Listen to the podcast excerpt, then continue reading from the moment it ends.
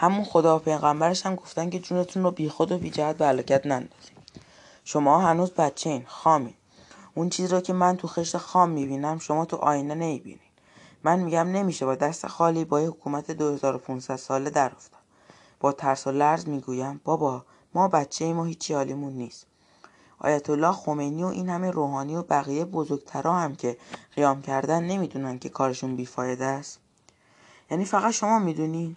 بابا با یک قدم بزرگ خیز بر میدارد طرفم و سیلی محکمی می‌زند در گوشم. یک طرف صورتم می‌سازد و گوشم تیر می‌کشد. برای چند لحظه احساس می‌کنم گوشم نمیشنود. بغزی تلخ مثل یک نارنگی کوچک می توی گلویم و راه نفسم را بند می دستم را به صورتم می گیرم و همه توانم را جمع می کنم تا جلوی ریزش اشکهایم را بگیرم.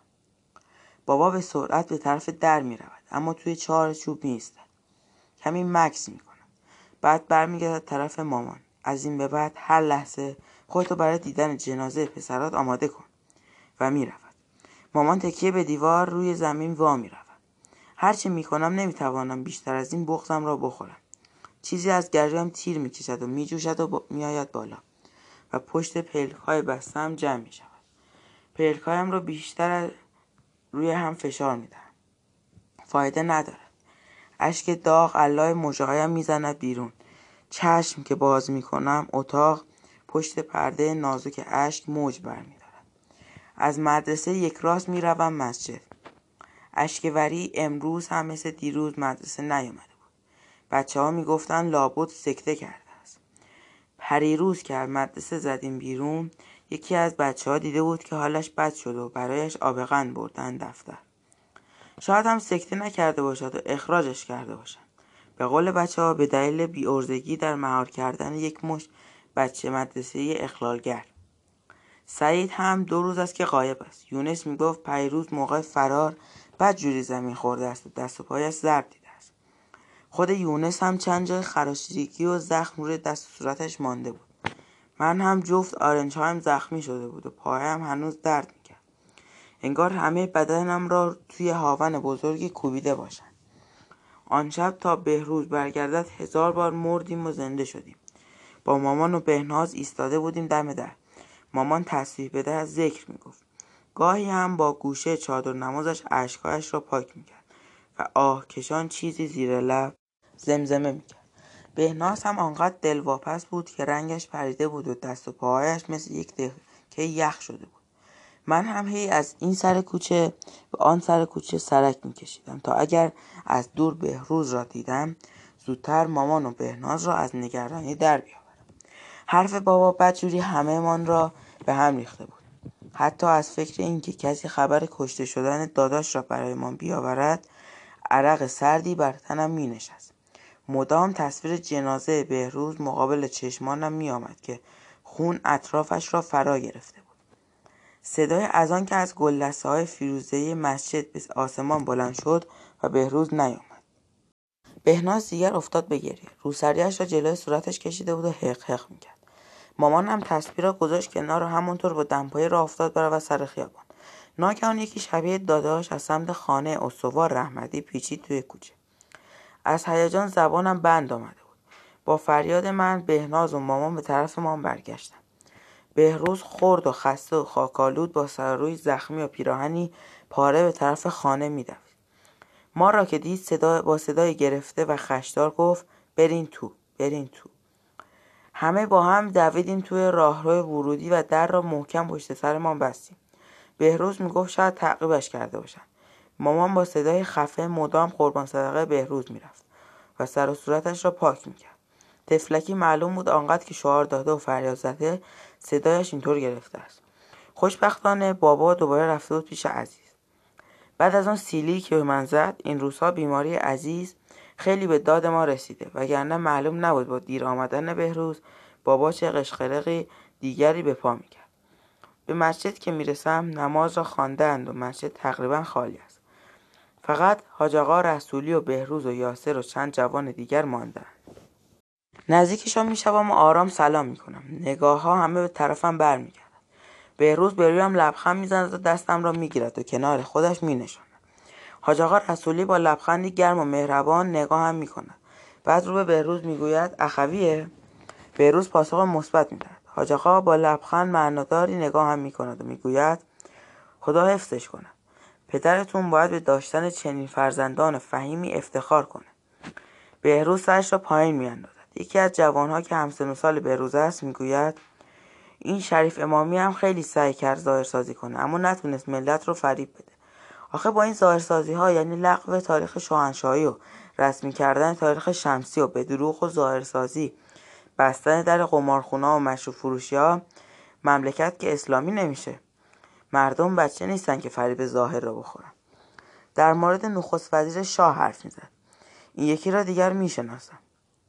یاسر می‌گوید چون از یک خانواده روحانی بوده شاه فکر می‌کرد مردم قبولش می‌کنن یکی دیگر می‌گوید آخه وقتی فضاحتی مثل میدون ژاله رو به پا می‌کنه حرف دیگه باقی نمیمونه. اونقدر احمق بود که نفهمید از همون روز 17 شهریور حکم سقوط دولتش را امضا کرده. بهروز با صدای گرفته می‌گوید بدبخت همون عصر سیزده آبان رفته پیش شاه و استعفا داده. فهمیده که دیگه نمیشه با این ملت در افتاد حاج آقا لبخند به لب گوش می‌کند و به تایید سر تکان می‌دهد. همان جوان اولی می‌گوید حالا باید دید کی رو به جایش معرفی می‌کنم. این خیلی مهمه. انتخاب نخست وزیر بعدی نشون میده که خط مشی شاه و برنامهش برای برخورد با نهزت چیه. حاج آقا سینه ای صاف می کند و می‌گوید به حال ما باید کار خودمون رو بکنیم. اون چه مشخصه اینه که شاه نمی‌خواد با این حقیقت کنار بیاد که دیگه تو این مملکت جایی نداره. برای همین به هر دستاویزی چنگ می‌زنه. الان تقریبا سه هفته تا شروع محرم و عزاداری ابا عبدالله الحسین مونده. مردم هم اعتقاد زیادی هم پیدا کردن که تو این ماه کار رژیم تمومه. باید در تدارک مراسم و برپایی خیمه عزاداری باشیم. امسال باید محرم را با شکوهتر از هر سال برگزار خبر دارم آیت الله هم به مناسبت رسیدن ماه محرم قرار اطلاعیه مهمی صادر کنند به محض اینکه دستمون برسه باید اونو بین مردم پخش کنیم. یاسر به تایید سرش را پایین می آورد. خطرناک بود بدیمش جایی واسه تعمیر. بچه های فنی خودمون همه تلاششون رو کردن. به لطف خدا دیروز را افتاد. حاج آقا لبخند زنان به طرف ما برمیگردد. هر چند دفعه قبل هم این عزیزان به خوبی جور جور خرابی دستگاه کشیدن. اجرتون با خدا. ما را می‌گوید. حس می‌کنم تمام خون بدنم جمع می‌شود. صورت گونه هایم از تو میسوزد.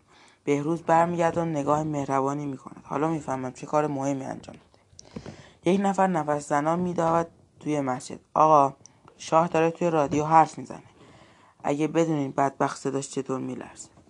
همه سراسیمه و پابرنه می‌دوند به طرف اتاقک گوشه حیات قبل از اینکه برسیم آنجا یکی رادیو رو میگذار پشت بلنگو صدای شاه واقعا میلرزد. من امروز باید بگویم که صدای انقلاب شما را شنیدم. باورم نمی‌شد یعنی این شاه مملکتمان است که با این صدای لرزان دارد حرف می‌زند. معلوم است حسابی ترسیده و فهمیده این توبه میری از آن توبه میری ها نیست. به صورت بقیه نگاه می‌کنم. همه با ذوق و شوق گوش می‌کنند و لبهایشان خندان است. حواسم نیست شاه چه می‌گوید. یک دفعه قیافه همه می‌رود تو هم. یکی می‌گوید لعنتی. بهروز با تأسف سر تکان می‌دهد. حاج آقا زیر لب می‌گوید استغفر الله همه دمخ شدن سعی می‌کنم از لابلای حرفشان بفهمم چه اتفاقی افتاده است. یاسر می‌گوید با انتخاب یک دولت نظامی نشون میده که کمر به قتل مردم بست. می‌خواد همام خون را بندازه. دیدون شریف امامی نتونست غلطی بکنه. به جای اینکه بشینه منطقی فکر کنه هی داره شرایط رو واسه خودش سختتر می‌کنه. آخه اون خودش کاره نیست که. مثل عروسک خیمه شب بازیه. بهش دستور میدن اظهار معرفی کنه اون هم میگه بله قربان. حاج آقا دست به معاصنش می‌کشد بچه ها مبارزه سختی پیش رو داریم. باید تمام توان و قدرتمون را به کار ببندیم وقتی زمام امور به دست یک دولت نظامی میفته یعنی حکومت قید همه چیز رو زده و به هر طریق و از هر راه ممکن فقط به حفظ سلطنت فکر می‌کنه. باید به هوش آماده باشیم. کم و بیش از حرفهایشان سرد در میآورم. شاه نخست وزیر جدید را معرفی کرده که نظامی است. انگار می‌خواهد تلافی سیزده آبان را در بیاورد. نمی‌دانم چرا از اسم اظهار خوشم نمیآمد. با شنیدنش ترس به دلم میافتد مطمئنم خودش از اسمش هم ترسناکتر است. باید برویم و این خبر را به سعید بدهم. مطمئنم این بار من این خبر دست اول برای گفتن به او دارم. باد خنک آبان ماه بدنم را به لرزه میاندازد. قدمهایم را تندتر می‌کنم تا زودتر به خانه برسم. یک هفته می شود که سعید به مدرسه نمی آید. اول ضرب دست و پایش را بهانه کرده بود. اما بعد گفت که مدرسه ها تقلق شده و آمدن و نیامدنش چندان فرقی نمی کند. راست هم می‌گوید. معلم ها اکثرا یک خط در میان به مدرسه می آیند. وقتی هم که میآیند به جای درس دادن می‌روند دم در کلاس ها با هم دیگه بحث می‌کنند. از وقتی اشکوری دیگر به مدرسه نمی آید یعنی از همان فردای سیزده آبان دیگر به ترس و ملاحظه در مورد اتفاقات کشور حرف می‌زنه. سمدی بیچاره هم که یک تنه از پس کل مدرسه بر نمیاره ما رو به حال خودمان رها کرده و فقط شده مسئول زدن زنگ صبحگاه و تفریح و زنگ خانه. من هم خیلی دلم می‌خواهد که قید مدرسه را بزنم. مثل سعید و بعضی از بچه های دیگر. اما از ترس بابا جرات نمی کنم می‌دانم که صد درصد مخالفت می‌کنم از خیابان که میگذرم قبل از آنکه وارد کوچه امان شوم سیاهی های عزاداری محرم را که بر در و دیوار مسجد حجت نصب کردن می‌بینم. با اینکه اول محرم دهم آذر است و امروز تازه 22 آبان است اما امسال خیلی زودتر از همیشه سیاهی ها را زدند به قول بهروز می‌خواهند با این کار آتش شور حسینی را که در دلهای مردم روشن شده شعله ورتر کنند. دیروز توی صف نانوایی؟ اوسیدر همه می‌گفتن محرم که برسد. کار رژیم دیگر تمام است. اوسیدر می‌گفت قیاممون فقط محتاج به یه یا علی دیگه است. اونم تو محرم. میپیچم توی کوچه و چشمم میافتد به دیوار خانه اسوار رحمتی. خندم می‌گیرد. چه شهر فرنگی شده است. روی دیوار خانهش که زمانی آجوی رنگ بود با رنگهای مختلف و با قلمو و اسپری و زغال شعارهای جور و جوری نوشته شده. کج و ریز و درشت خوشخط و بدخط مثل اینکه استوار هم از پاک کردن و رنگ کردنشان خسته شده چون دیگر تلاشی برای پاک کردن شعارها نمی کند. زنگ خانه را می‌زنم و سعی می‌کنم از همینجا عطر خوش غذای مامان را حس کنم و نهار امروز را حد بزنم. در که باز می شود چشمانم از تعجب چهار تا می شود سعید پشت در ایستاده است. معلوم نیست توی خانه ما چیکار می‌کند حتما علامت سوال را توی نگاهم دیده که با خنده می‌گوید حالا بیا تو. بهروز و مامان و بهناز هم توی حیاتن. سلام می‌کنم و نگاه هم میافتد به دسته های بزرگ روزنامه که گوشه حیات روی هم چیده شدند و بهروز دارد مرتبشان می‌کند. مامان با نگرانی می‌گوید بهروز جان دستم به دامنت. بابا تا غروب میاد ها. بهروز جواب می‌دهد تا غروب چیه؟ مادر جان اینا تا یه ساعت دیگه از اینجا میره. بعد رو می‌کند به ما. البته با کمک شما. سعید تر و فرز می نشیند کنار بهروز. اعلامی ها را بدین. بهروز با احتیاط از داخل ساک ورزشی آدیداس قرمز رنگش دسته ای اعلامیه می کشد بیرون و میگذرد جلوی سعید. سعید مثل آدم های آموزش دیده و با تجربه شروع می کند به گذاشتن اعلامیه لایه روزنامه ها بهروز رو به مامان توضیح می‌دهد. مجبور شدم بیارمشون خونه. مسجد شلوغ بود. دارن سیاهی های محرم را می‌زنن. رفت آمد زیاد بود.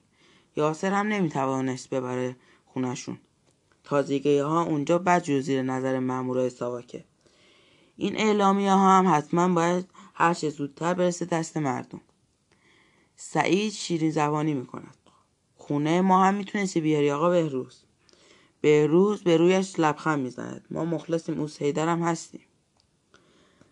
بهناز هم بالهای روسریش را پشت سر گره می‌زند و مینشیند کنار دیوار دسته روزنامه را می‌کشد طرفش. کیفم رو پرت می‌کنم روی پله های ایوان رو می‌گویم اما من دارم از گشنگی تلف میشم. بهروز همانطور که سرش پایین است می‌گوید وقت نداریم داداشی. باید زود اینا رو از اینجا ببریم. هم ممکنه بابا برسه هم تا ظهر و کوچه آخر البته بدونیم از خونه ببریمش ببریمشون بیرون. مامان راه میافته به طرف پلا الان برات یه لقمه می‌گیرم. می نشینم کنار بقیه. یکی از اعلامیه ها را بر می دارم و می خانم. محرم ماه پیروزی خون بر شمشیر است. همان اعلامیه آیت الله خمینی است که حاج آقا رسولی منتظرش بود و می گفت خیلی مهم است.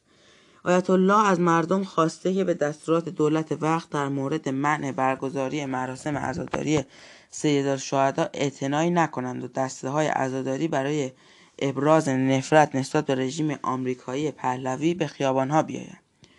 اعلامیه را لای روزنامه اطلاعات می‌گذارم. بهناز زیر چشمی نگاه می‌کند. اونطوری نه. بذار لای صفحات تو که راحت دیده نشه. بهروز نشان می‌دهد کجا بگذارم. سعید یک پشت روزنامه را تمام کرده است. سرش را انداخته پایین و با سرعت کار می‌کند شروع می‌کنم. همگی در سکوت کار می‌کنیم. فقط